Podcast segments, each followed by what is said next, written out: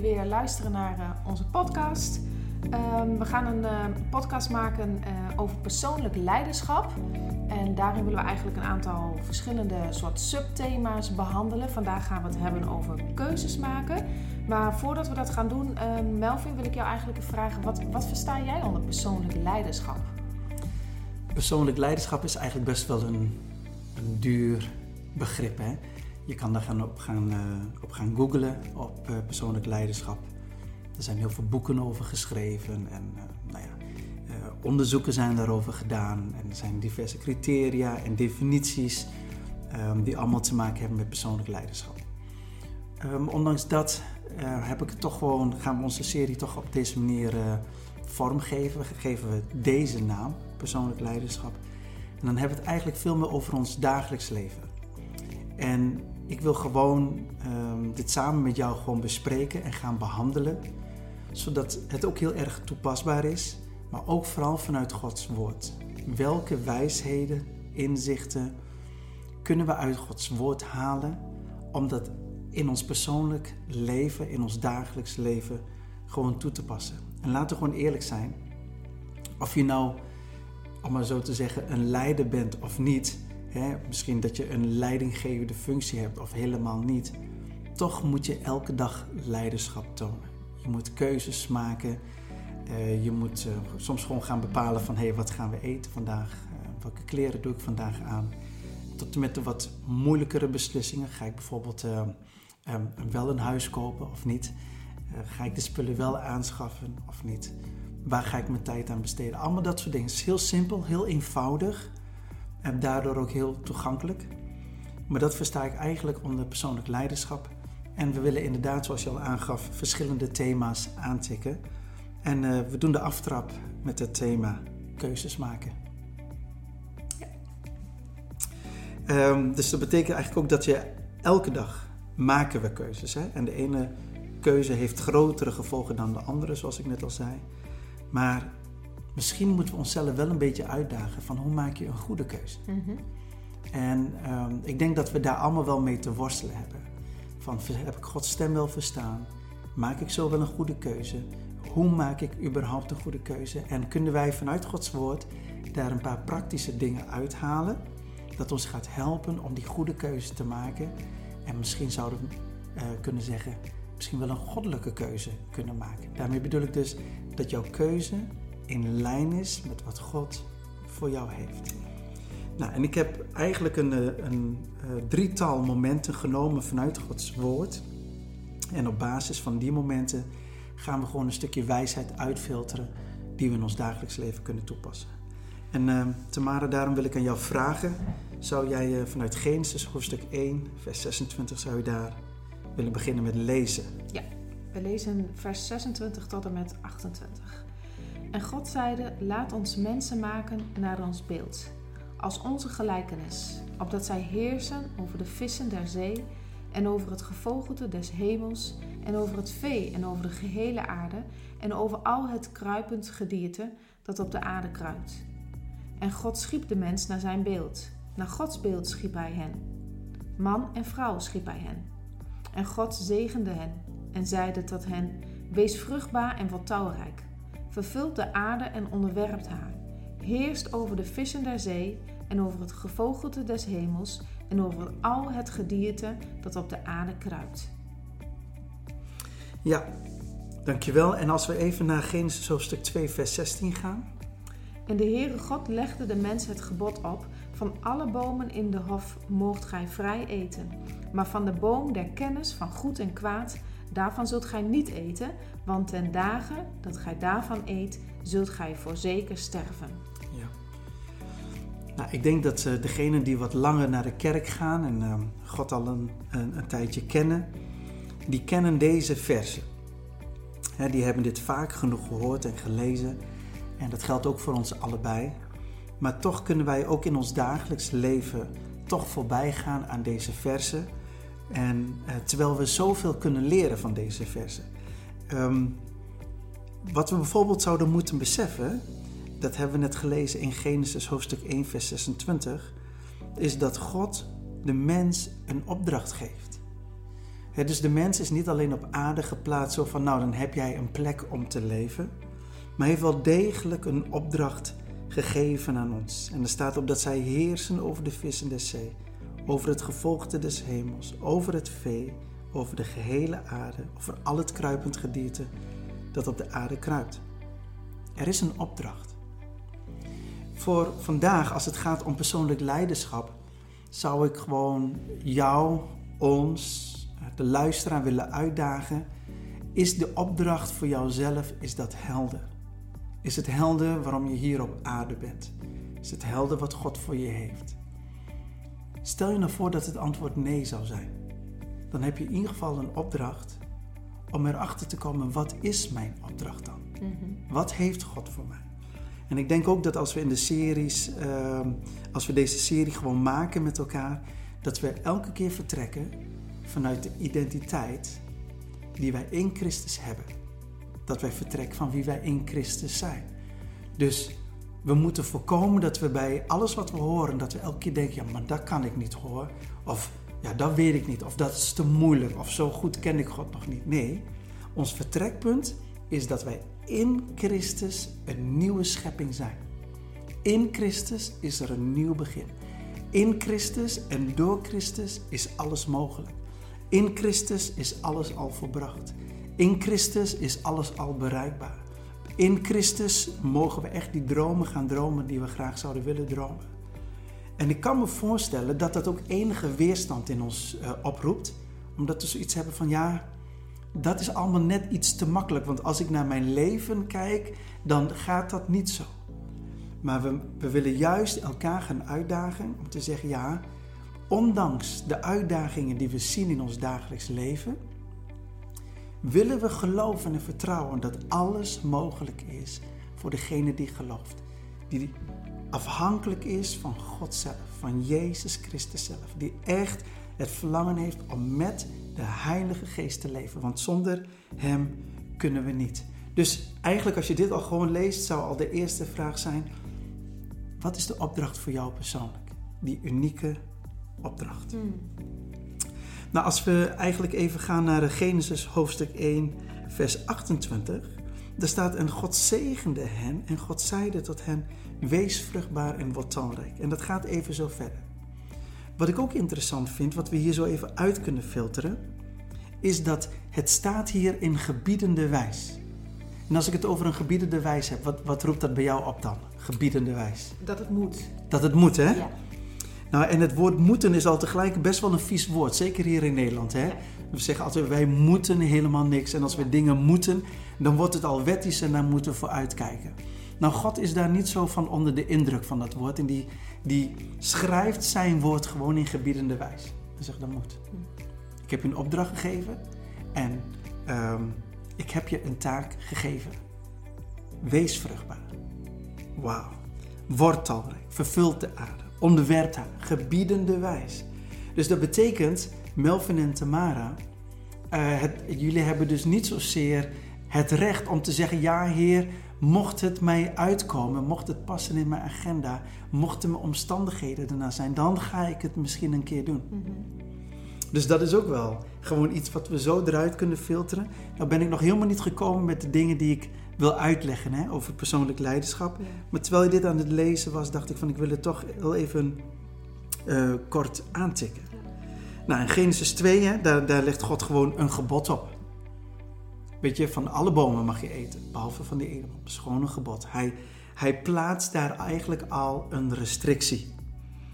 Nou, en wat interessant is om hier te weten, als het gaat om keuzes maken, als het gaat om persoonlijk leiderschap, moeten we eerst dit even beseffen. God plaatst Adam in een perfecte omgeving en geeft hem alle gezag en autoriteit om te kunnen doen wat hij moet doen. Vervolgens plaatst God de perfecte vrouw naast Adam. Samen vormen zij een perfect team.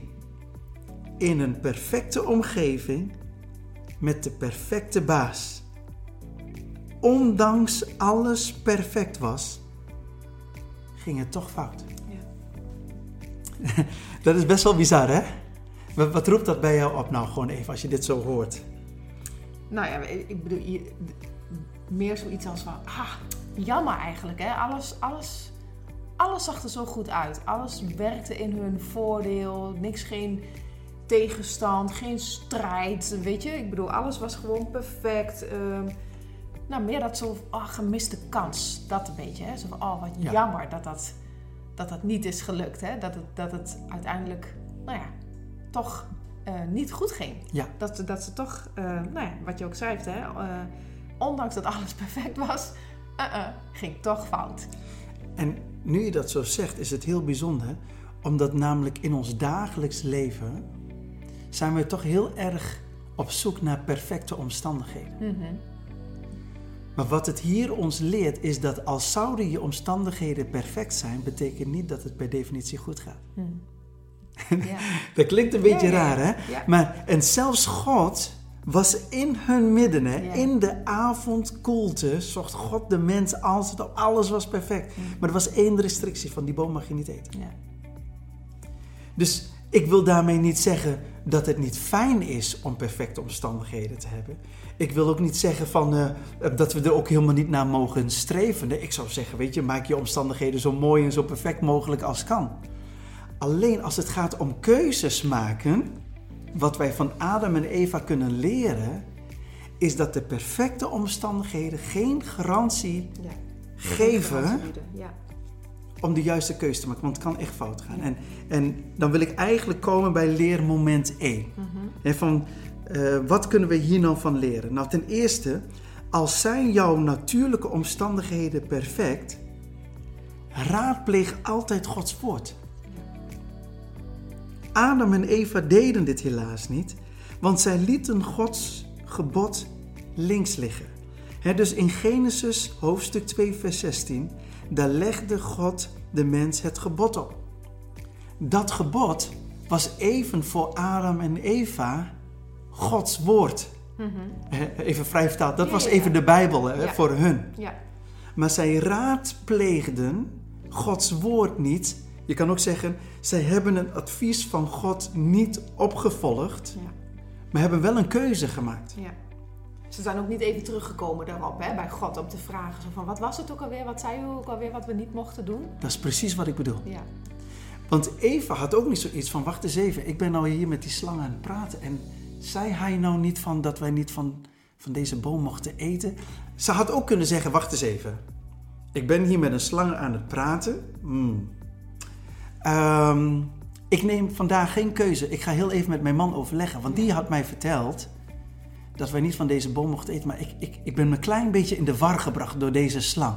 Ik, eh, ik zie het niet meer zo helder. Maar in mijn, nu mijn hoofd een beetje troebel is geworden, nu mijn zicht een beetje troebel is geworden, moet ik nu slim zijn. Ik moet nou geen keuze maken. Ik moet even terug naar Adam. Nou, stel je nou voor dat eh, bij het avondeten, ik weet niet hoe dat toen ging, maar in ieder geval dat zij s'avonds, bij wijze van spreken, aan tafel zaten en dat Eva zou zeggen van nou, Adam, ik heb, eh, vanmiddag heb ik een slang gesproken en die zat ehm, in die bewuste boom. En die zei dat wij wel mochten eten. Dan had Adam nog kunnen zeggen, nee, maar wacht eens even, nee Eva, nee, want God heeft tegen mij gezegd dat we daar niet van mochten eten. Maar als ik zo nou naar jou luister, Eva, dan begin ik eigenlijk ook wel te twijfelen. Maar weet je, God komt vanavond vast wel weer met ons praten, dus dan checken we het nog even. ja. Vragen we het nog even bij hem na. Ja, we vragen het Ja. even bij hem na. Dus, dus Ja. eh, bij twijfel niet inhalen, zeggen we altijd. ja, hè? ja, ja. Dus als je nu luistert en, en je hebt even dat moment dat je denkt van... Goh, ja, ik, hoe zat dat ook alweer? Raadpleeg altijd Gods woord. Ik zou bijna willen zeggen... Wil je, het, eh, ehm, ook als je denkt dat je het weet, raadpleeg het toch even. Want soms kun je vanuit een, een frisse openbaring van de Heilige Geest... dat je echt denkt, oh wauw. ja. Dus, dus dat is een heel eenvoudig leermoment. Raadpleeg altijd Gods woord. ja. Want je kan namelijk denken, omdat mijn omstandigheden perfect zijn, hoef ik Gods woord niet te raadplegen. Hij zal het wel goed vinden. Of hij zal het wel snappen. Of, nou, ik weet wel zeker, dit kan niet meer verkeerd gaan. Dat is wat omstandigheden doen. Maar God wil dat we altijd op zijn woord ehm, bouwen. Op zijn woord vertrouwen. Ja. Dat we altijd in lijn blijven met zijn woord. Ja. Kun je me daarin volgen? ja, zeker. Dat is eigenlijk best wel lastig, want in deze wereld waarin we leven proberen we zo goed mogelijk te luisteren naar de Heilige Geest en strekken we ons daarna uit. Uh, maar daardoor vind ik Psalm 119, vers 9 vind ik heel erg mooi. Zou je die vanuit de MBG-vertaling eens willen lezen? Ja, daar staat: Waarmede zal de jongeling zijn pad rein bewaren, als hij dat houdt naar uw woord. Oké, en, dit, en dit is altijd iets wat ik in mijn hoofd hou. Want een jongeling, weet je wat ik mooi vind dat ze daar jongeling gebruiken en niet zozeer mens? Als je jong bent, ja, dan lacht het leven je eigenlijk toe. Ehm, ja, je moet nog ontdekken. Maakt niet uit. Je bent nog jong. Ga maar, doe maar, probeer maar. Probeer het leven maar. Het- weet je wel, en als het niet goed gaat, maakt niet uit. Je bent nog jong. En ik snap heel goed dat we dat soms tegen jongelingen zeggen. Maar juist in die wilde van onze jongheid wordt hier de vraag gesteld: hoe kun je in je jongelingsjaren toch een weg bewandelen die rein is of in lijn ligt met Gods woord? En dan geeft Psalm 119, vers 9 een duidelijk antwoord. Als hij dat houdt naar uw woord. Als Adam en Eva in hun jongelingsjaren, zou ik bijna willen zeggen, als zij gewoon aan het woord hadden gehouden, hadden zij hun pad rein bewaard en waren ze niet in zonde gevallen. Ja. Zie dus ook de Bijbel zelf adviseert ons van: hey Melvin, hey Tamara, wil je rein wandelen? Wil jij je doel niet missen? Blijf dan wandelen naar mijn woord. Ja. Is mooi hè? Ja. Ehm, maar ook in Filippenzen 2, vers 5 tot en met 8, daar staat ook iets moois. Daar staat: Laat die gezindheid bij u zijn, welke ook in Christus Jezus was. Die in de gestalte God zijnde het Goden gelijk zijn niet als een roof heeft geacht, maar zichzelf ontledigd heeft. En de gestalte van een dienstknecht heeft aangenomen en aan de mensen gelijk geworden is. En in zijn uiterlijk als een mens bevonden, heeft hij zich vernederd en is gehoorzaam geworden tot de dood. Ja, tot de dood des kruises. Hier wordt een heel duidelijk beeld geschetst van Jezus Christus zelf. Hoe hij de gestalte van een dienstknecht heeft aangenomen. Dat hij zich heeft vernederd om gehoorzaam te worden tot de dood, ja, tot de dood des kruises. Nou, gelukkig hoeven wij niet meer tot de dood des kruises te gehoorzamen, om maar zo te zeggen. Wij hoeven niet aan het kruis te sterven. Maar ik denk wel dat ons vlees moet sterven aan het kruis om elke keer het besluit te nemen: ik moet terug naar het woord. Ik moet terug naar het woord. Omdat namelijk als jij in je perfecte seizoen zit en de omstandigheden zijn perfect, kan het maar zo zijn dat we ons niet meer vernederen voor God, maar dat we zeg maar een houding aannemen van: oh nee, dit vindt God wel goed. Ik, ik hoef dat niet meer te raadplegen. Ik, volgens mij is het wel goed. Ja, die slang die vertelt wel allerlei dingen, maar nee hoor, ik heb het wel uh, in de smiezen. En dan eigenlijk staan wij op tegen het woord van God. En dat betekent helemaal niet dat wij God niet willen gehoorzamen. Maar in het maken van een keuze moeten we altijd de nederigheid hebben om het woord van God te raadplegen. Om echt ons pad rein te bewaren. Ja. Als het gaat om, dat dagelijks, uh, uh, om ons dagelijks leven te maken. Mhm. Kan jij dit ook toepassen in het dagelijks leven? Of is er een voorbeeld wat bij je opkomt dat je denkt: Goh, hè, jij, maakt, jij moet ook dagelijks keuzes maken. Mhm. Uh, heb jij misschien recent nog een, een, keuze gemaakt, misschien zonder dat je in details hoeft te treden, waarin je denkt: Ja, het is wel goed om Gods woord te raadplegen over dit soort dingen? Nou, weet je, ik denk dat, dat het, uh, ik, wat ik mooi vind uh, in die versen, als ik dat dan even lees vanuit het boek, dan staat er: blijf erop toezien dat uw innerlijke houding moet zijn zoals die van Jezus Christus. En dat, dat woord innerlijke houding, dat, dat geeft voor mij iets aan als een soort eh, eh, basishouding of zo. Hè? Zo van, goh, weet je, Mhm. dat is eigenlijk de, de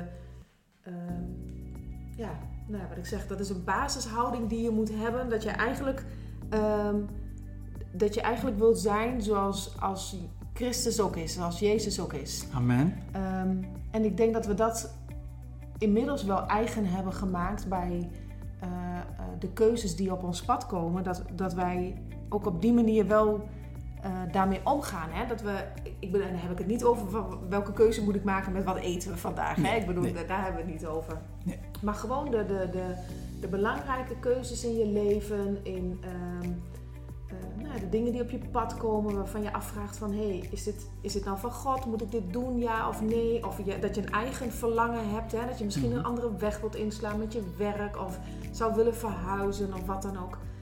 Dat dat wel iets is waarbij wij eigenlijk altijd wel ehm, soms letterlijk zeggen laten we er een nachtje over slapen. Ja. Hè? Wat, wat eigenlijk ook betekent, ehm, weet je, laat, laten we het even Ehm, laten we voor nu geen keuze maken, Mhm. maar laten we het echt even rusten, zodat we het ook bij God kunnen brengen.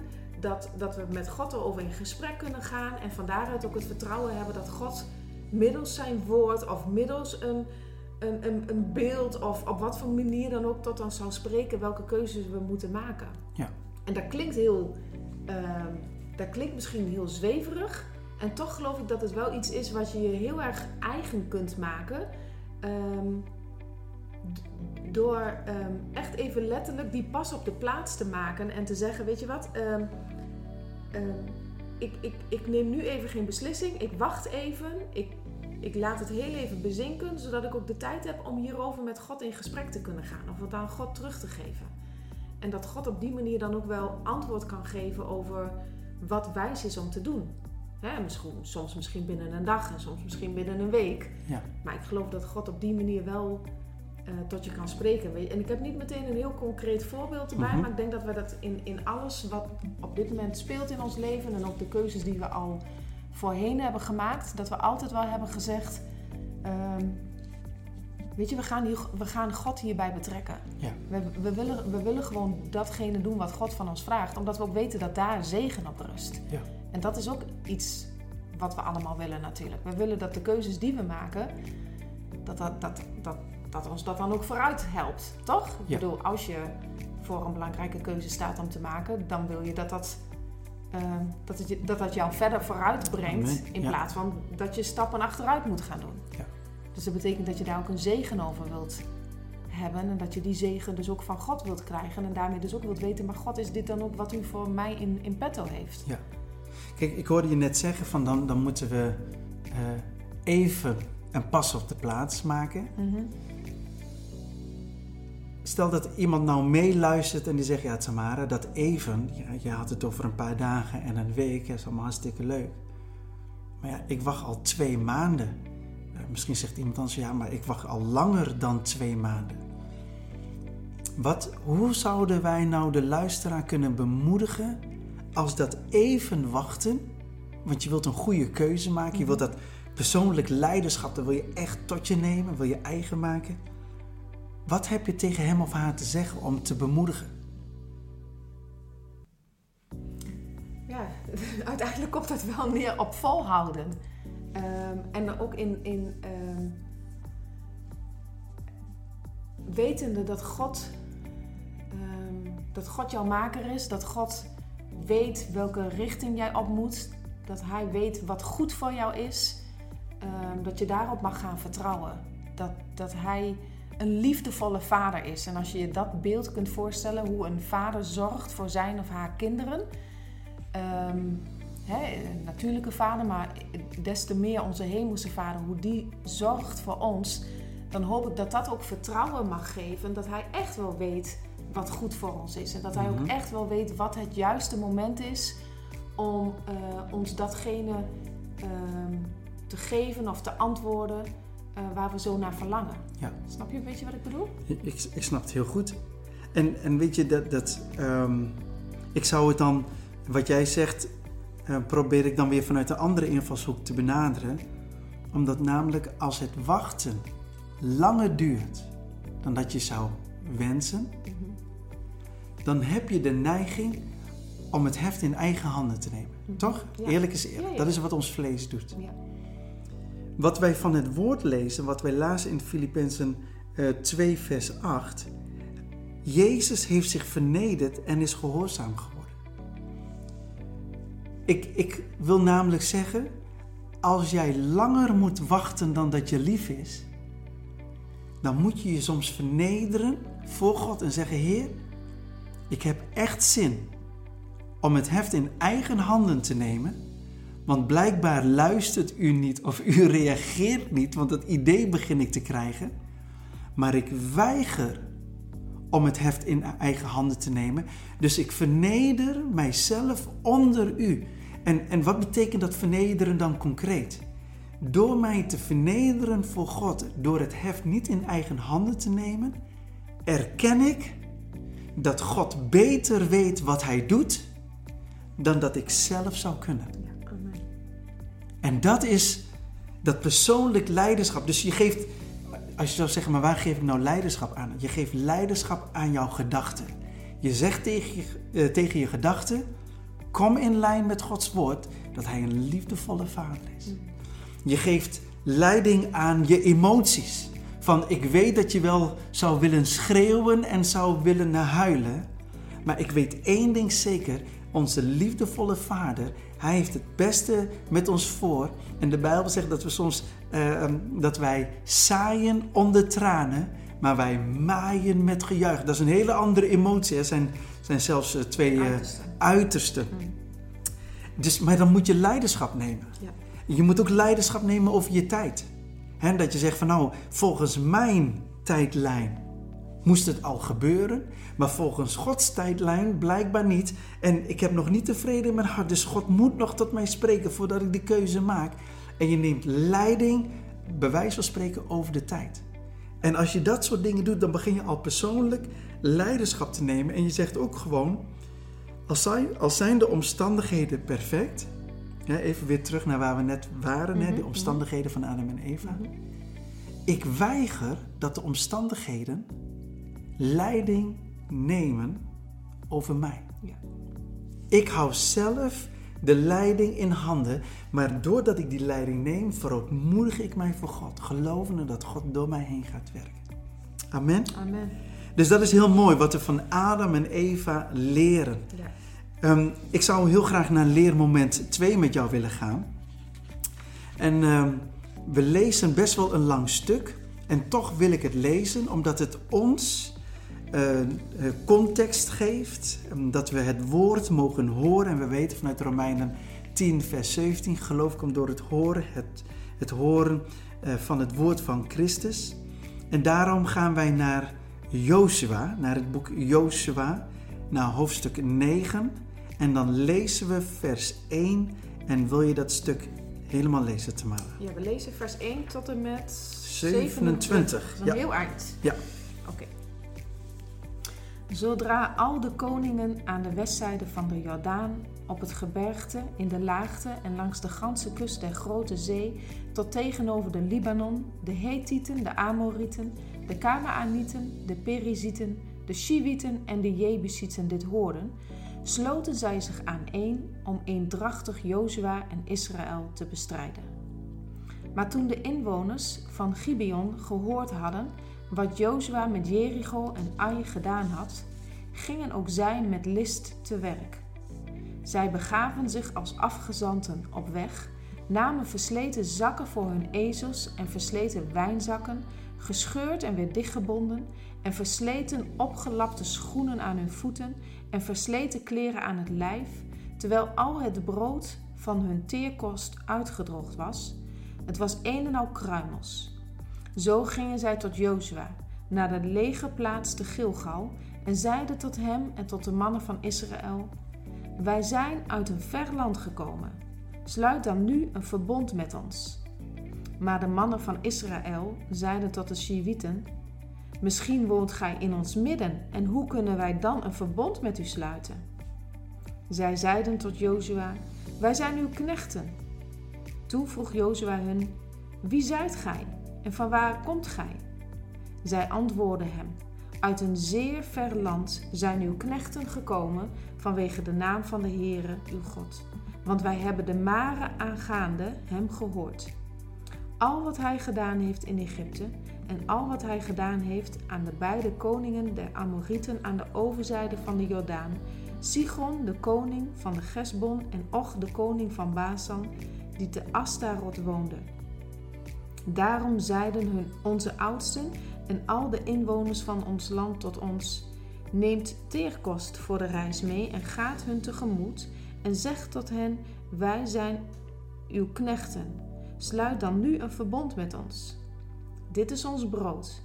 Waarom hebben wij het als teerkost uit onze huizen meegenomen op de dag toen wij naar u op reis gingen? En nu, zie, het is droog en een en al kruimels. En dit zijn de wijnzakken die nieuw waren toen wij ze vulden. En zie, zij zijn gescheurd. En dit zijn onze kleren en onze schoenen. Ze zijn versleten van de zeer lange tocht. Hierop namen de mannen van hun teerkost, maar zij raadpleegden de Heeren niet. En Jozua sloot vriendschap met hen en maakte een verbond met hen dat hij hen in leven zou laten. En de hoofden der vergadering bezwoeren het hun. Na verloop van drie dagen echter, nadat zij met hen het verbond gesloten hadden, hoorden zij dat zij in hun nabijheid, ja, in hun midden woonden. De Israëlieten braken namelijk op en bereikten op de derde dag hun steden, te weten Gibeon, Kefira, Beerot en Kirjat Jerim. De Israëlieten sloegen hen echter niet, omdat de hoofden der vergadering het hun bezworen hadden bij de Heere, de God van Israël.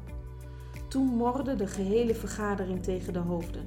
Maar al de hoofden zeiden tot de gehele vergadering: Wij hebben hun gezworen bij de Heere, de God van Israël, daarom kunnen wij hen niet aantasten.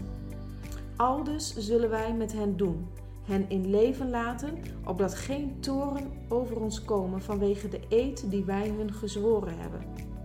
En de hoofden zeiden tot hen: Laat hen in leven blijven. En zij werden houthakkers en waterputters voor de gehele vergadering, zoals de hoofden te hunnen opzichten bepaald hadden. Daarna ontbood Jozua hen en sprak tot hen: Waarom hebt gij ons bedrogen door te zeggen: Wij wonen zeer ver van u verwijderd, terwijl gij in ons midden woont?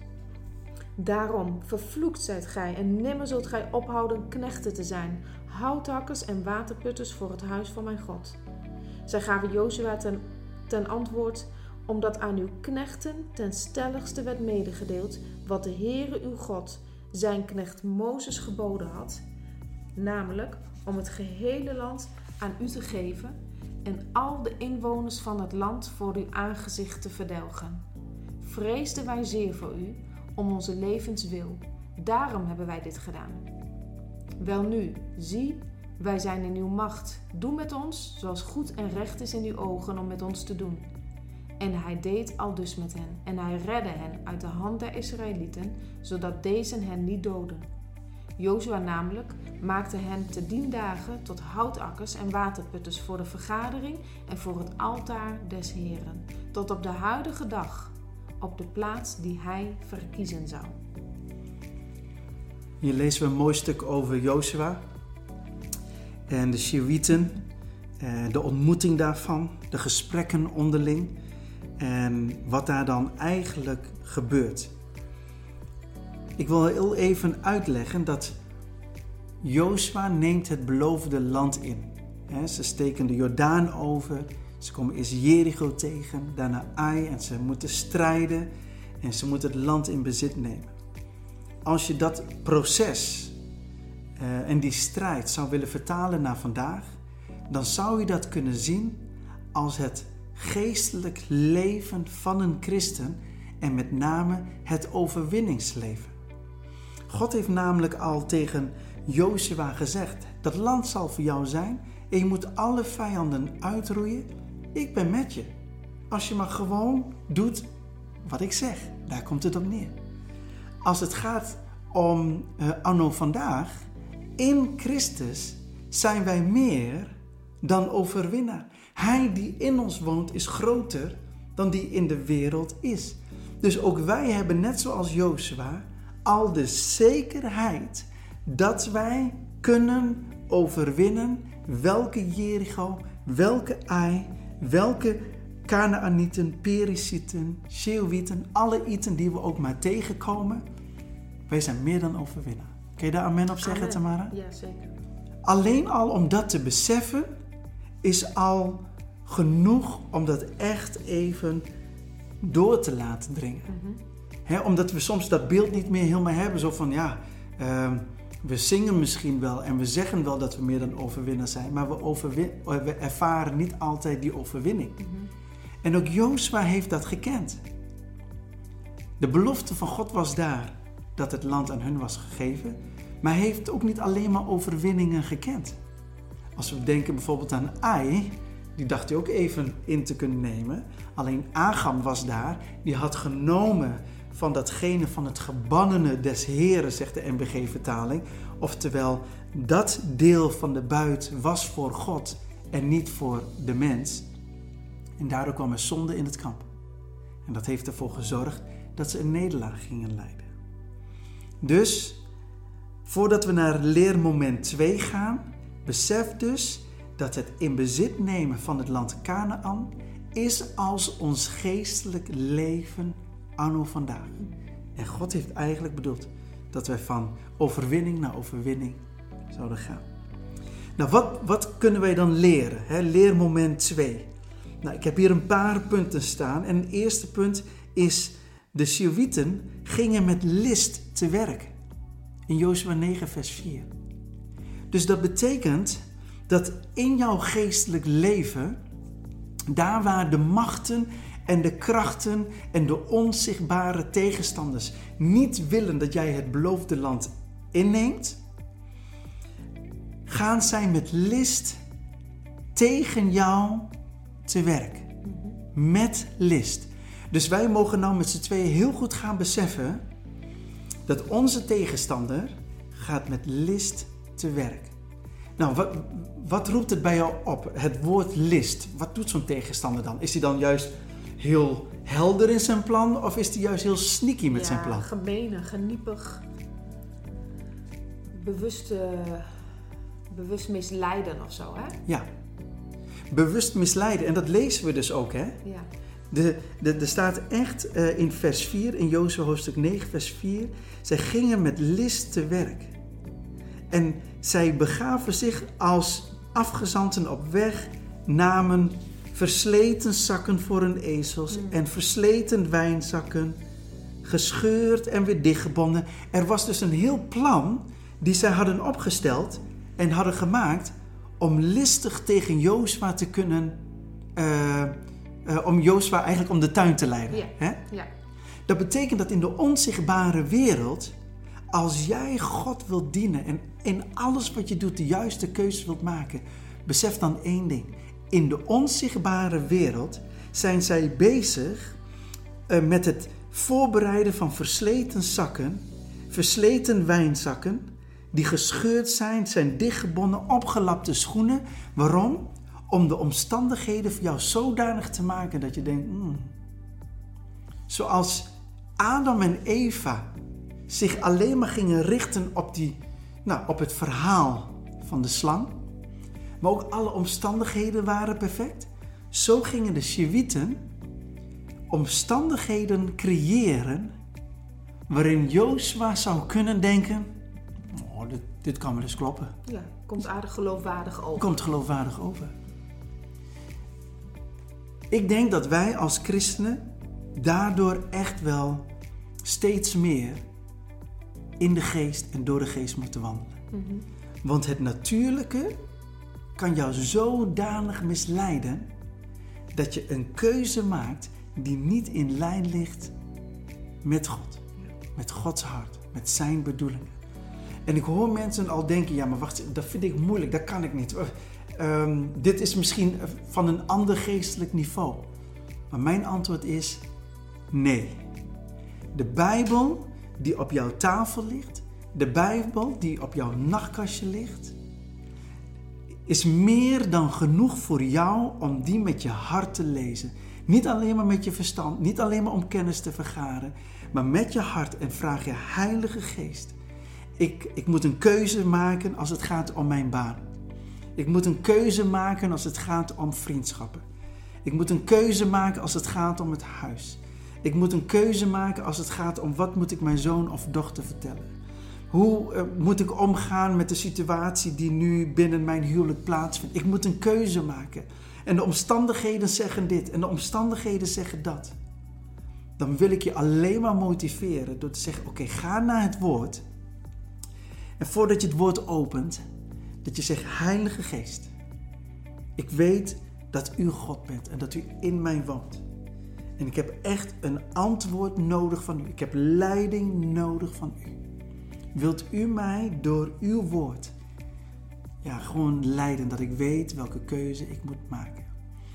En dan zou je misschien zeggen, maar hoe weet ik nou dat dat God is? Dan zul je merken dat op het moment dat je het woord leest, dat in één keer die woorden zo jouw hart raken, dat je echt het gevoel hebt, eh, God die spreekt gewoon bijna, God spreekt gewoon tot mij, laat ik het maar gewoon zo zeggen.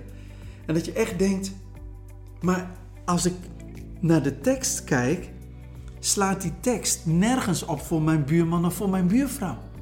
Maar God is zo'n persoonlijke God dat Hij die tekst gewoon als het ware tot leven laat komen, waardoor het voor jou een openbaring wordt, waardoor jij richting krijgt. En wat je vooral zult merken is dit. Je zult vrede in je hart ervaren dat je denkt, ook, ook al is de keuze die ik moet maken moeilijk, maar omdat God tot mij heeft gesproken, heb ik vrede in mijn hart ontvangen. En nu heb ik ook de moed en het goddelijke lef om die keuze te maken. Amen. En weet je hoe dat komt, waar, waarom je daarop durft te varen? Het woord van God en de, de inspraak en de influistering van de Heilige Geest is zo'n massief fundament in jouw hart dat je daar gewoon echt op kan staan. Dat je daarop kan leunen, dat je daarop durft te vertrouwen. Terwijl eigenlijk vijf minuten geleden had je dat vertrouwen nog helemaal niet. Dus als je nu luistert, besef dat je tegenstander gaat altijd met list te werk, maar God wil altijd tot je spreken. Amen. En Adam en Eva zijn ook door een list de fout ingegaan. En er staat zelfs in Genesis 3, vers 1, wat staat daar, Tamara? De slang nu was het listigste van alle dieren des velds. De slang was het listigste. De Bijbel zegt in Jozua 9, vers 4 dat zij met list te werk gingen.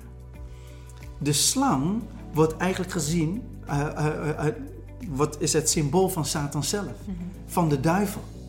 En je ziet dat de Chewieten, of Chewieten, dat zij met hetzelfde venijn en met, de, met dezelfde doortraptheid als de duivel te werk gingen. En als je dat ziet, dan klopt het ook wel, omdat in jouw geestelijk leven zijn er allerlei onzichtbare machten en krachten die met list, met dezelfde list van de duivel, tegen jou willen werken, zodat jij je beloofde land niet in bezit kan nemen. En dan zou je zeggen, ja, maar ze namen het beloofde land toch wel in bezit, alleen de Shiwieten, die, uh, die werden dan hun slaven. Maar de originele opdracht van God was, was om ze allemaal uit te roeien. Mm. Dus eigenlijk wordt hier een compromis gesloten. Mm. Doordat ze een verkeerde keuze maakten. Er is nog iets anders wat we kunnen leren. Jozua's voorgevoel was goed. Want wat zegt hij namelijk, Tamara? Uh, hij zegt tegen de Shiwieten: Misschien woont gij in ons midden. Met andere woorden, hij had, een, hij had misschien wel zo'n voorgevoel. Ken je dat? Maar heb je dat wel eens gehad? Uh, wij noemen dat, uh, in, in de volksmond noemen ze dat ook wel intuïtie. Ja. Een voorgevoel. Ja. Onderbuikgevoel. Ja. Geloof je dat de Heilige Geest ook jou een voorgevoel kan geven? Oh, zeker. Oké. Ja, heb je dat wel eens gehad? Ja, absoluut. Alleen wij moeten leren, wij moeten daar leiderschap over nemen. Dat we zeggen, hé, hey, ik heb een voorgevoel zoals Jozua zegt, hmm. misschien wonen jullie wel in ons midden. En wij moeten gewoon leiderschap nemen. Wij moeten dat, dat voorgevoel, moeten wij een, een plek geven in ons leven. Waarin we eigenlijk alleen maar zeggen, als we de, onze binnenkamer ingaan, Heilige Geest, ik heb een voorgevoel. En ik wil heel even bij u checken Bent u dit ja of nee? Wilt u mij gaan bevestigen of u mij nu leidt en dat u nu, wat ik niet wist, hè, Jozua wist namelijk niet dat de tegenstander listig tegen hem te werk ging. Eh, toen zij al die, uh, die wijnzakken en die gewone zakken en, en de schoenen, dat ze dat helemaal gingen voorbereiden achter de schermen, Jozua wist dat niet. Maar de Heilige Geest wil jou en mij een soort voorgevoel geven, een aanwijzing geven. Hey, let op, let op. Want ik ga je iets vertellen. Jij weet het niet, Joshua. Maar die schoenen die ze laten zien, dat zijn, dat, dit is nep. Dit hebben ze gemanipuleerd. Eh, de wijnzakken die je ziet en eh, de teerkost waar ze het over hadden, let op, let op. Dit is, dit is allemaal gemanipuleerd. Dit is listig. Dit is listig werk en ik wil dat jij overwinnaar bent, maar dan moet je nu naar mij luisteren. Nu naar mij luisteren. Wat, wat roept dat bij jou op, Tamara? Um, was er net even over het nadenken en ik was een stukje even aan het lezen. Um, kijk, de, na, de, natuurlijke omstandigheden, die waren zo dat uh, uh, eigenlijk niet hoefde te twijfelen. Hè? Ik bedoel, ze hadden het zo goed nagemaakt dat het niet van echt te onderscheiden was. Mooi. Weet je, ze hadden het gewoon ik bedoel, ze hebben iets. iets uh, even kijken, waar staat dat hoor? Uh, ze hebben dingen gescheurd en weer dichtgebonden. Hè? Om echt te laten zien, nou, het is kapot geweest, we hebben het weer gemaakt. Dus ik bedoel, ze, hebben alle, ze hebben er in die zin alles aan gedaan om het zo echt mogelijk over te laten komen. Ja. En, en dat was dus ook zo. Dus vanuit het natuurlijke was er niks wat Jozua in die zin aan het twijfelen had moeten brengen. Ja, mooi. Dat, dat kon alleen maar God zijn die hem dat, uh, dat gevoel, dat voorgevoel, hè, dat, dat onderbuikgevoel of die intuïtie, zoals we dat dan in het natuurlijke noemen, dat kon alleen maar van God komen. Want de, in het natuurlijke was er niks wat daartoe zou kunnen leiden. Ze konden niet door de mand vallen omdat ze het niet goed hadden gedaan. Ze hadden perfect overal zorg voor gedragen dat het leek alsof het inderdaad echt was. En eigenlijk, doordat hè, doordat, doordat uh, Jozua toch twijfelde en, en het vroeg van misschien woont gij wel in ons midden. Dat had eigenlijk het punt moeten zijn waarop hij had moeten denken, wacht eens even. Waarom bedenk ik mij dit nu opeens? Waarom twijfel ik nu opeens? De natuurlijke omstandigheden geven helemaal niet aan dat ik zou moeten twijfelen. Dit moet wel van God zijn die mij hierop alert wil maken. Wow. En ik denk dat we dat in het natuur, ik denk dat wij dat ook allemaal wel kennen. Ik, ik denk dat het er gewoon een hele uh, mooie invalshoek is. Um, want eigenlijk zeg je, gaat het belletje af, dan ben je bijna verplicht om te reageren op dat belletje. Ja. Dus eigenlijk is het ook niet slim om dat belletje te negeren. Nee. Want er staat letterlijk in vers 14: Hierop namen de mannen van hun teerkost. Hè? Dus dat, die teerkost wat ze daar zagen, was gemanipuleerd. Ja. Dat was helemaal niet van zoveel dagen dagreizen. Nee. Helemaal niet. Nee. nee. En er staat erachter, maar zij raadpleegden de Heren niet. Ja. Dus met andere woorden, de Bijbel zegt dit: zij namen teerkost. Het, het geeft mij het gevoel, zij checkten of teerkost echt zo oud was, mhm. of het echt. En dat ze zoiets hadden, nou, dit ziet er wel heel goed uit, dit, dit ziet er vrij echt uit. Ze keken alleen maar naar de natuurlijke omstandigheden. En dan staat er, maar zij raadpleegden de Heer niet. Met andere woorden, als ze dat wel hadden gedaan, had God gezegd, Jozua, ja. dit zijn jouw tegenstanders. Die wonen hier maar drag, drie dagreizen vandaan. Ja. Trap er niet in. En hier zie je die natuurlijke omstandigheden weer. Dat wij in het maken van keuzes en in het, dat persoonlijk leiderschap, waar, daarom moeten we tegen onszelf zeggen, het belletje gaat af. Ik wacht weer totdat ik in de binnenkamer ben. Ik wil echt van de Heilige Geest weten. Is dit juist ja of nee? Ik ga de Here raadplegen. Ik weiger om besluiten te nemen op basis van teerkost. Dat is eigenlijk ook wat jij zegt, hè? Ja. En um, terwijl jij aan het praten was, was ik ook even aan het zoeken. Maar zelfs de Bijbel zegt dat Satan doet zichzelf voor als een engel des lichts. Hmm. En de Bijbel zegt, hij doet zich voor als. hij is het hij niet. Is het niet. Nee. Nou, en dat is de, de onzichtbare, uh, het onzichtbare strijdplan van de boze tegen jou.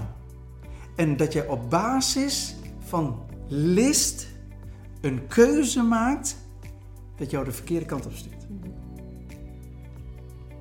Persoonlijk leiderschap. Zie je hoe belangrijk dat is? Terwijl, eh, en het staat letterlijk in het woord en we kunnen hiervan leren. Ja. Dat, dat maakt, hè, we disqualificeren Jozua helemaal Nee, nee, niet, nee. Hè, totaal niet. Wij willen alleen maar van hem leren. We willen van Gods woord leren.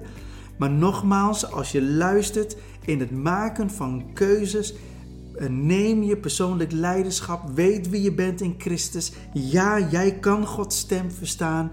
Eh, don't worry. En ik denk dat het zo goed is. En ehm, als de Heilige Geest jou iets influistert en je geeft daar gehoor aan en je neemt tijd om met hem daarover te praten, dan kun je dus gewoon samen met hem de valstrikken ontwijken. Want in Spreuken 14, vers 27 vanuit de NBG-vertaling, daar staat dit. De vrees des Heren is een bron des levens om de strikken des doods te ontwijken. Nou, dat is geweldig. Want, want de vrees des Heren is eigenlijk een houding. Altijd rekening houden met God. Altijd God respecteren. Of de Bijbel zegt ook in spreuken: ken hem in al uw wegen, dan zal hij uw paden recht maken. Maar wat we net ook lazen hè, van eh, die jongeling uit Psalm 119, vers 9. Ehm, hoe zal hij zijn pad rein bewaren als hij dat houdt naar uw woord? En terwijl we dit zo met elkaar bespreken zijn, Tamara, komt ook het volgende in mij op: het woord discipline. Misschien kunnen we daar een andere keer over Ja. spreken, maar dat je gedisciplineerd bent om echt te luisteren naar de influisteringen van de Heilige Geest. Ja. Dus niet meer op basis van teerkost, maar op basis van instructies van de Heilige Geest. Kan je amen zeggen? Amen. Amen. Eh, we zitten nog steeds bij leermoment 2, op basis van het verhaal van Jozua. Ehm, we hebben het al een klein beetje aangehaald, maar het volgende punt wat ik wil maken is: de Sjewieten zorgden ervoor dat Jozua's oog alleen op de natuurlijke omstandigheden was gericht. Zodat Jozua's oog alleen op de natuurlijke omstandigheden was gericht. Met andere woorden, vanuit de onzichtbare wereld, die tegenstanders willen alleen maar dat jij je focust op de natuurlijke omstandigheden en dat jij geen weet hebt van wat er in de onzichtbare wereld gebeurt. Zij willen niet dat je de onderscheiding des geestes hebt. Dat willen ze niet. En dat, dat lezen we vooral in vers 8 tot en met 13. Hè? Ja. Eh, zij zeiden tot Jozua. Ja. Dus dat is, dat is vooral ook. Eerst hebben ze die voorbereiding gedaan. Hè? Vanaf vers 4 lezen wij hun voorbereidingen. ja. En dan vers 8 gaan ze, Uitleggen eigenlijk, hè? Verklaren. Ja. gaan ze helemaal verklaren. Ze zegt tegen Jozef, we komen daar vandaan. En Ja. kijk nog, en het, het, het brood was nog warm toen we vertrokken. En kijk naar onze schoenen. Met andere woorden, oog van Jozua. Kijk dan naar de natuurlijke omstandigheden. Dit is toch aannemelijk? Dit is toch logisch? Je hoeft de Heer toch niet meer raad te plegen? Want ik bedoel, je hebt zelf toch ook wel een beoordelingsvermogen. Wie gaat nu nog aan God vragen of, of dit allemaal wel klopt? Want kijk naar onze schoenen. Ja. Dat. Ja. Herken je dat ook gewoon in je eigen leven, Tamara? Nou, dat, ik, niet met een concreet voorbeeld, maar ik denk dat dat vaak genoeg gebeurt. Dat, dat je vooral gefocust bent op de natuurlijke omstandigheden. Dat je van daaruit denkt, nou weet je, dit, dit is zo klaar als een klontje. Dit is, toch, dit is toch duidelijk. Ik hoef hier niet aan te twijfelen. Ik, heb, ik, ik, ik zie het gewoon. Ja?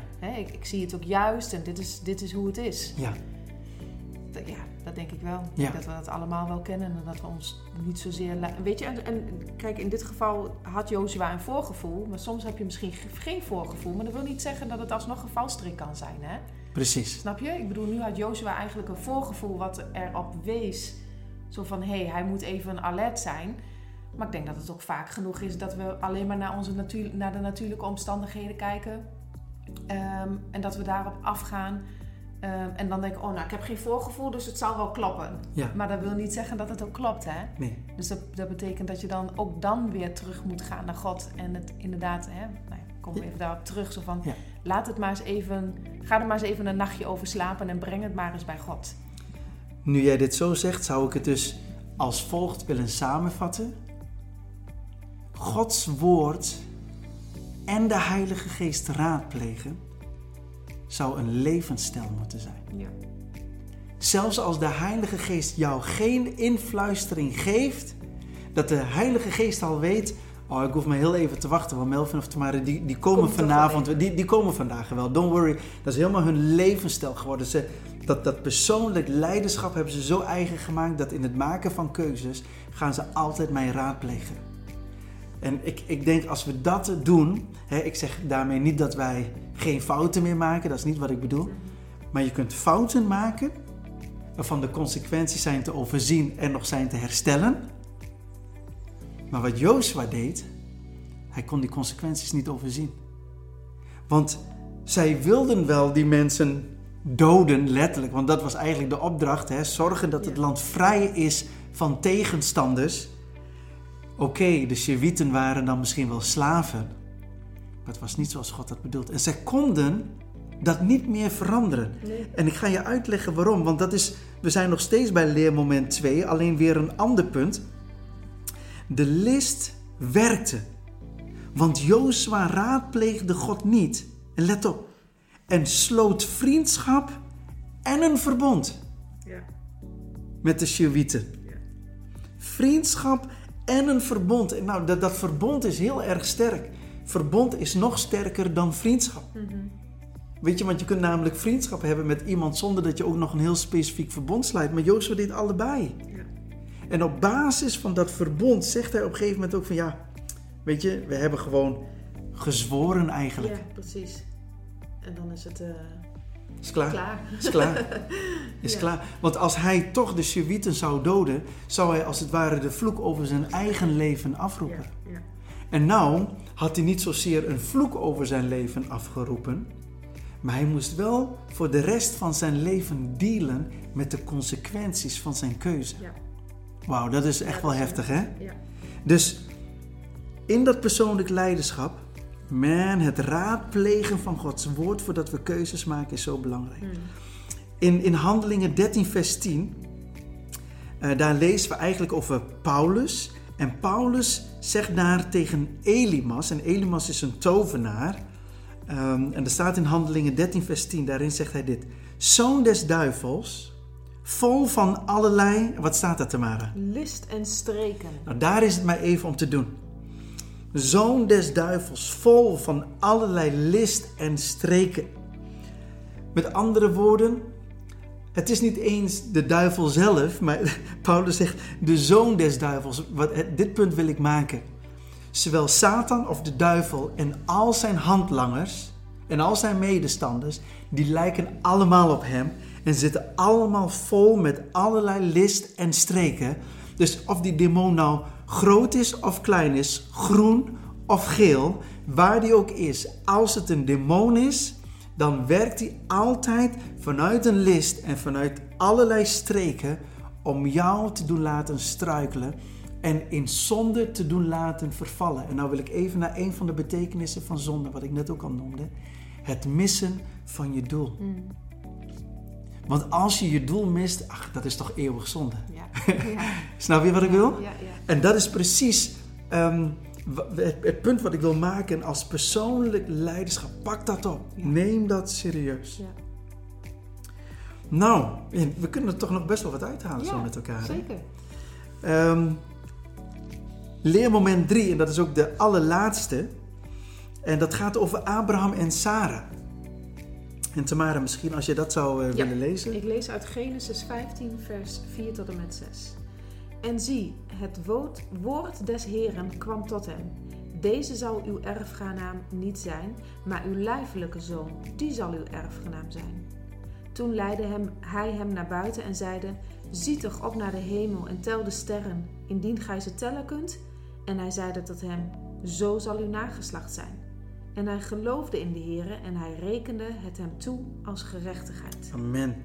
Zou jij tegelijk ook Romeinen 4, vers 18 tot en met 21 willen lezen? En hij heeft tegen hoop op hoop geloofd dat hij een vader van vele volken zou worden, volgens hetgeen gezegd was. Zo zal uw nageslacht zijn. En zonder te verflauwen in het geloof, heeft hij opgemerkt dat zijn eigen lichaam verstorven was, daar hij ongeveer 100 jaar oud was, en dat Sarah's moederschoot was gestorven. Maar aan de belofte Gods heeft hij niet getwijfeld door ongeloof. Doch hij werd versterkt in zijn geloof en gaf God de eer. In de volle zekerheid dat hij bij machten was hetgeen hij beloofd had ook te volbrengen. Schitterend. We komen hier bij, uh, bij leermoment 3. En daarin kunnen we op basis van het leven van Abraham en Sarah, of Abraham en Sarah, kunnen we het volgende zeggen. Als zijn jouw natuurlijke omstandigheden verre van perfect, blijf vertrouwen op Gods woord. Abraham raadpleegde eigenlijk ook constant Gods woord. God had tegen hem gezegd: Zo zal uw nageslacht zijn. In Genesis hoofdstuk 15 lezen we dat. En daar heeft hij op gebouwd. Daar, hij, het was wel constant hetzelfde advies, maar het was goed genoeg om te blijven vertrouwen dat God zou doen wat hij had beloofd. Adam en Eva hadden ook op dezelfde manier het woord gekregen. Van die boom zult gij niet eten. Alleen zij raadpleegden het woord niet meer. Maar Abraham was constant, constant bezig met het woord. Er staat letterlijk dat zonder te verflauwen in het geloof. En er staat, hij heeft niet getwijfeld door ongeloof. En er staat in vers 21, in Romeinen 4, vers 21, in de volle zekerheid dat hij geloofde dat God bij machten was hetgeen hij beloofd had ook te volbrengen. In Hebreeën 11 vers 1 zegt, het geloof nu is de zekerheid der dingen die men hoopt en het bewijs der dingen die men niet ziet. Dus wat ik echt wil zeggen is, bij Adam en Eva waren de omstandigheden perfect, mhm. zij raadpleegden niet. Bij Abraham en Sarah waren de omstandigheden helemaal niet perfect. Maar zij bleven raadplegen, zij bleven vertrouwen op Gods woord. En daardoor gebeurde datgene wat ze eigenlijk voor ogen mooi. hadden. Ja, amen. Mooi hè? Ja, heel mooi. We willen echt jou als je aan het luisteren bent. Ik hoop dat je bemoedigd en geïnspireerd bent geraakt. Maar dat je echt dat persoonlijk leiderschap oppakt. En dat je keuzes maakt op basis van influisteringen van Gods woord en van zijn geest. En dat je gaat zien hoe jij steeds meer overwinnaar wordt in Hem en door Hem. En uh, let op dat voorgevoel. Let op de influistering van de Heilige Geest. En uh, nou ja, weet je, we willen deze podcast afronden. En dan wil ik gewoon een kleine samenvatting geven. En uh, die gaat als volgt. Ten eerste, het maken van een keuze is niet afhankelijk van jouw omstandigheden, ongeacht of deze wel of niet perfect zijn. Ten tweede, de tegenstander heeft altijd een listig plan. Jouw natuurlijke omstandigheden worden altijd als een wapen tegen jou ingezet. Ten derde, als God tot jou spreekt, of als je een soort voorgevoel hebt, doe dan onderzoek. Lees zijn woord. Ga bidden. En ten vierde en als laatste, heb vertrouwen en geloof in God, zoals Abraham deed. Amen. Amen. Amen. Een heel klein gebed. Hemelse Vader, dank u wel, Heilige Geest, dank u wel. Wij weten dat u de enige bent die de naprediker kan zijn. Dat u de mensen kan overtuigen en dat u ons kan leiden in alle dingen. Ik wil u bidden, wilt u ons allen helpen om dat uh, persoonlijk leiderschap echt op te pakken. En dat we echt in lijn met uw karakter en met uw woord de juiste keuzes kunnen maken. Zodat wij meer dan overwinnaar zullen zijn. In Jezus' naam. Amen. Amen.